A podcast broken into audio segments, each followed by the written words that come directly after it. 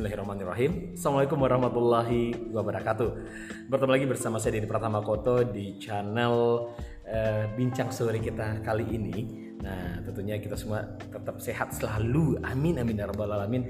Dan tentunya dalam kondisi pandemi COVID-19 ini Kita selalu mematuhi aturan-aturan protokol-protokol kesehatan yang sudah disampaikan oleh pemerintah ini karena juga untuk kebaikan kita bersama.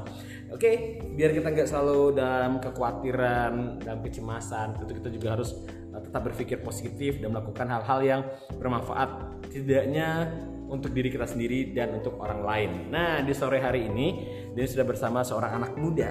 Nah, yang kali ini kita akan berbincang-bincang bagaimana nih uh, kita menyampaikan sebuah gagasan, ide, atau lebih tepatnya dalam ranah public speaking atau komunikasi.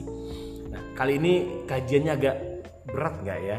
Karena akan dibahas oleh seorang mahasiswa dari jurusan filsafat akidah. Akidah filsafat atau filsafat akidah nih? Akidah filsafat akidah Islam. filsafat Islam. Waduh berat nih. Fakultas Usluhuddin, UIN uh, Syarif Hidayatullah Jakarta atau UIN Ciputat nih.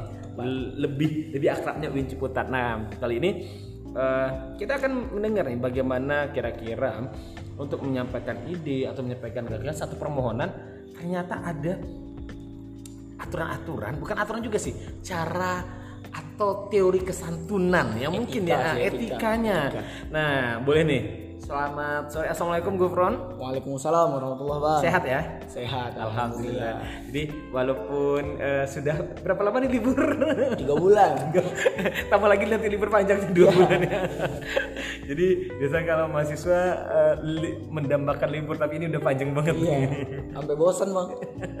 tapi mudah-mudahan eh, di balik panjang libur itu masih ada hal-hal positif yang bisa kita lakukan nanti. Cocok. Insya Allah.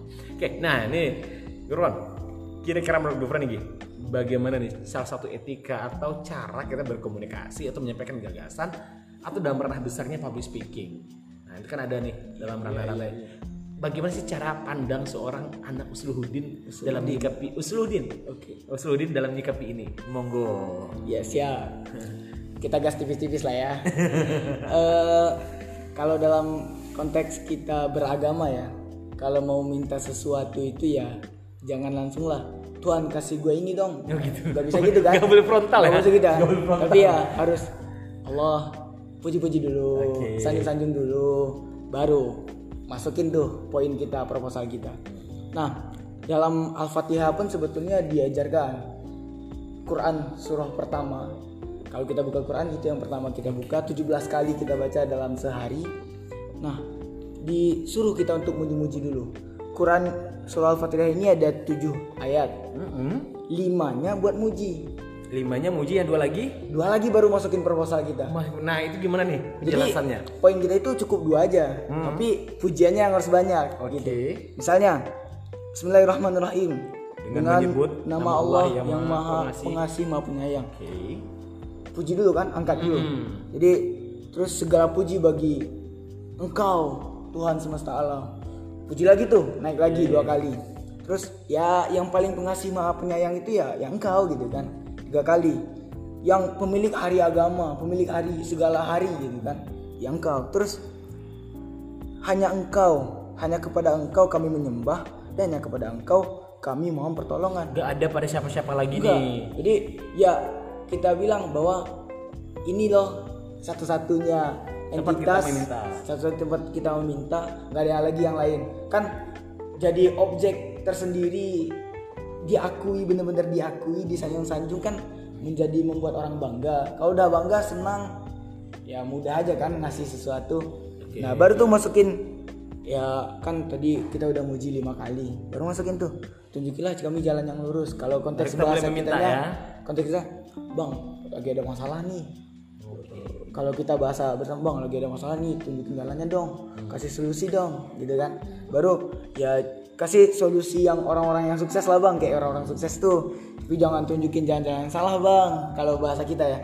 Jangan tunjukin jalan yang salah. Jangan jalan-jalan yang sesat juga gitu kan. Nah jadi dalam eh, etika beragama sebetulnya udah dijelaskan bagaimana cara berkomunikasi itu bagaimana cara minta.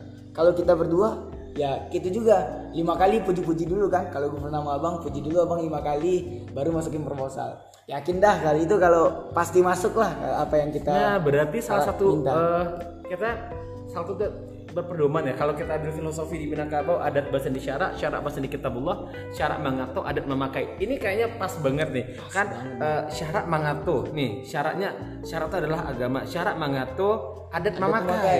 Jadi apa yang dikatakan oleh eh, agama kita yang yang sudah termaktum dalam eh, kitabullah itu kita pakai dalam eh, perilaku perilaku eh, syari kita. Nah, jadi dalam Al-Fatihah tadi kalau Denny nangkapnya kayak gini. Jadi kita Al-Fatihah itu eh, mengajarkan kita bagaimana etika berbicara.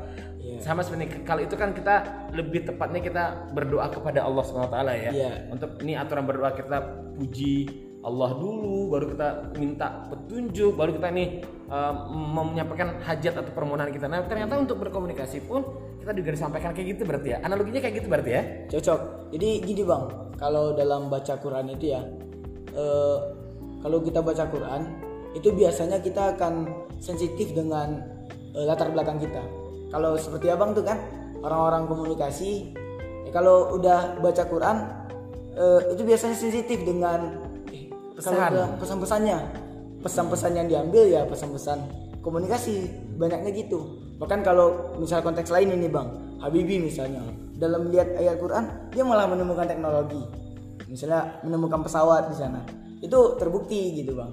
Jadi harus dikontekskan Oke, jadi salah satu itu. ini agar komunikasi kita menjadi komunikasi yang baik, ternyata kita sebagai seorang muslim itu salah satu rujukan dalam kita bagaimana etika-etikanya pun sudah diajarkan oleh Iya. uh, Al-Qur'an dan sunnah kita. Mungkin selama ini kita aja mungkin yang kurang memahami atau kita sering membaca tapi cenderung baik saja sendiri karena artinya kita tahunya di atas atas doang ya. Ya.